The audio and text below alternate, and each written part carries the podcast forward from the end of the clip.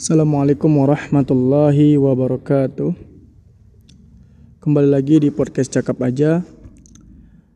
E, di episode ketiga ini aku akan membahas tentang bagian penting dari sebuah sekolah, tapi jarang untuk kita perhatikan, jarang untuk kita peduli. Nah, sebelum masuk ke pembahasan atau ke cerita, aku ingin mengucapkan selamat hari jadi kota kecilku, kota tebing tinggi ke 103. Gak terasa udah lebih dari satu abad kota ini berdiri dan semoga kotanya bertambah maju, warga-warganya juga berpikir maju dan mampu menghasilkan generasi-generasi penerus bangsa yang bisa mengharumkan nama kota, negara maupun juga agama. E, kembali lagi ke pembahasan. Tadi aku bilang mau bercerita tentang bagian penting dari sebuah sekolah, tapi jarang untuk kita perhatikan apa itu. E, di sebuah sekolah itu ada beberapa unsur-unsur pendukungnya yang e, mendukung suatu sekolah itu. Yang pertama memang guru, eh, kepala sekolah, guru, kemudian murid, kemudian stakeholder-stakeholder lain gitu. Tapi ada satu bagian yang jarang kita dengar gitu. Bukan jarang kita dengar, kita sering mendengar, bahkan kita sering berada di situ akan tetapi kita tidak pernah peduli akan nasib mereka. Nah, yang akan aku bahas pada episode ketiga ini adalah tentang ibu kantin atau orang-orang yang berjualan di lingkungan sekolah. Nah, jika kita mendengar kata ibu kantin pasti penuh apa ya benak kita langsung uh, menggambarkan bagaimana keseruan ketika berada di sekolah, ketika jajan di kantin, ketika nongkrong-nongkrong di kantin. Nah, tapi pernah nggak kita berpikir bagaimana kehidupan ibu-ibu kantin tersebut? Nah, mungkin ketika sekolah berlangsung normal gitu ya, ketika anak-anak masuk ke sekolah, mungkin ibu-ibu kantin dapat bernafas lega. Mereka memiliki pemasukan dari sekolah, dari jajan-jajan anak sekolah. Nah, ketika kondisi sekarang ini di masa ya masih kita bilang masa pandemi lah gitu ya. Karena anak-anak sekolah juga belum masuk belum beraktivitas di sekolah. Otomatis ibu kantin juga tidak bisa berjualan gitu.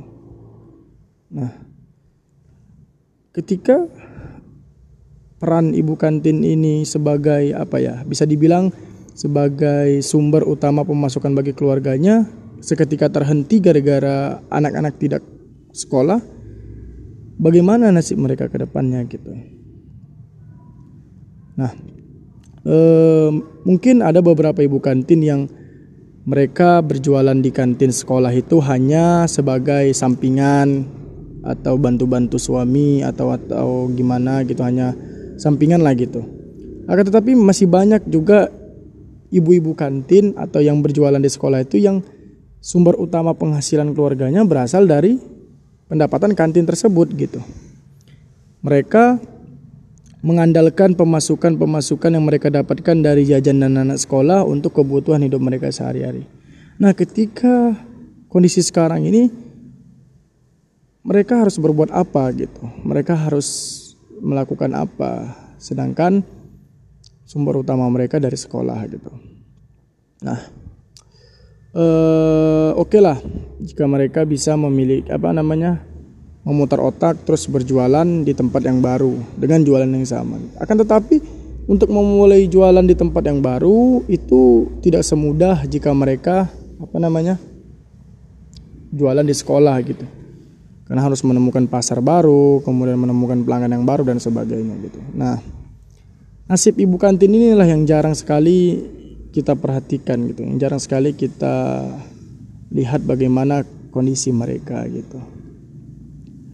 Saya jadi teringat uh, di episode pertama juga saya pernah menyinggung tentang permasa apa menyinggung tentang uh, ibu kantin, tapi saya juga teringat pernah uh, cerita salah satu ibu kantin yang berada di sekolah saya mengenai kondisi beliau setelah beberapa bulan tidak berjualan di sekolah gitu. Uh, beliau bercerita bahwasanya beliau single parent uh, memiliki tanggungan satu orang anak yang sekarang sedang uh, mau masuk ke pesantren gitu. Jadi sudah tamat sekolah dasar, sekarang mau masuk ke sekolah menengah atau madrasah sanawiyah di pesantren. Beliau bercerita bagaimana pengeluaran yang beliau lakukan untuk kebutuhan anaknya masuk ke pesantren ditambah lagi kebutuhan rumah yang terus harus dipenuhi itu sampai menghabiskan tabungan beliau. Ya, beliau bercerita sampai habis tabungan beliau hanya kurang lebih ya bulan berapa kita libur bulan tiga lah atau ya kurang lebih empat tiga sampai empat bulan habis tabungan beliau. Nah, situ beliau berharap semoga cepat kembali ke sekolah gitu anak-anak cepat kembali sekolah supaya mereka bisa terus menyambung rezeki mereka gitu. Memang kita ya mungkin sebagian orang yang memiliki penghasilan lebih menganggap sudahlah gitu kan. Namanya juga kayak gini. E, cobalah ibu cari kerjaan yang lain gitu. Tapi tidak semudah itu gitu tidak semudah yang mereka katakan gitu karena ibu kantin peran ibu kantin di sekolah itu sebenarnya sangat vital e, jika kita melihat bukan melihat sih jika kita mengingat dulu lah masa-masa sekolah gitu ada beberapa ibu kantin di sekolah kita dulu yang sudah menjadi seperti orang tua kita gitu. Selain guru dan juga orang tua di rumah. Kenapa? Ketika kita tidak punya uang gitu atau ketika kita uang jajannya lagi seret kemudian perut lapar dan pengen makan ya otomatis pengen makan gitu kan kita nggak punya uang nih datang ke ibu kantin bu eh, boleh nggak utang ini gitu. Nah mereka tidak mau dibilang utang gitu, mereka mengasih gitu. Ya udah nah makan gitu. Ya udah bu nanti saya bayar, nggak usah dibayar udah makan aja gitu. Nah jadi ibu kantin ini juga mereka memiliki apa ya ikatan emosional terhadap para siswa-siswa yang berbelanja di tempat dia gitu. Bukan hanya guru, bukan hanya tenaga pendidik yang memiliki ikatan emosional, tapi juga ibu kantin gitu mereka akan senang jika anak-anak itu kumpul gitu, kumpul di tempat mereka walaupun hanya satu dua orang yang jajan, tapi dia sudah senang gitu melihat mereka anak-anak kumpul, ketawa-ketawa, apa segala macam, mereka senang gitu. Nah, hanya itu harapan mereka gitu. Mereka ingin apa ya kondisi kondisi ah situasi-situasi seperti dulu lagi itu bisa kembali dilanjutkan gitu. Mereka tidak menginginkan apa pun gitu uh, walaupun uh, apa namanya kemarin itu beberapa bulan yang lalu sempat muncul wacana untuk memberikan bantuan kepada pedagang atau yang berjualan di sekolah tapi saya nggak tahu gimana kelanjutannya apakah memang berjalan atau enggak gitu. Tapi yang saya perhatikan pemberian bantuan itu pun hanya sekedar apa ya uh, seremonial gitu. Kenapa saya bilang seremonial? Ya eh, pemberian bantuan hanya dilakukan sekali mungkin gitu ya. Nanti saya cari tahu lagi. Hanya mungkin dilakukan sekali dan itu tidak bisa menutupi apa ya kerugian mereka selama tidak berjualan di sekolah gitu dan juga tidak bisa memenuhi kebutuhan ikatan emosional mereka terhadap anak-anak di sekolah gitu tidak ada yang bisa apa ya tidak ada yang bisa menggantikan Eh, kebutuhan-kebutuhan para siswa apa tidak ada yang bisa menggantikan peran mereka atau kebutuhan kebutuhan untuk mereka di sekolah gitu. Walaupun adanya bantuan dari pemerintah dan sebagainya, tapi itu tidak bisa menutupi eh, kebutuhan-kebutuhan yang mereka butuhkan gitu. Nah, uh, kemudian uh, ibu kantin ini juga merupakan apa ya tempat uh, mengadu juga gitu. Kalau pengalaman saya ada pengalaman aku gitu ya.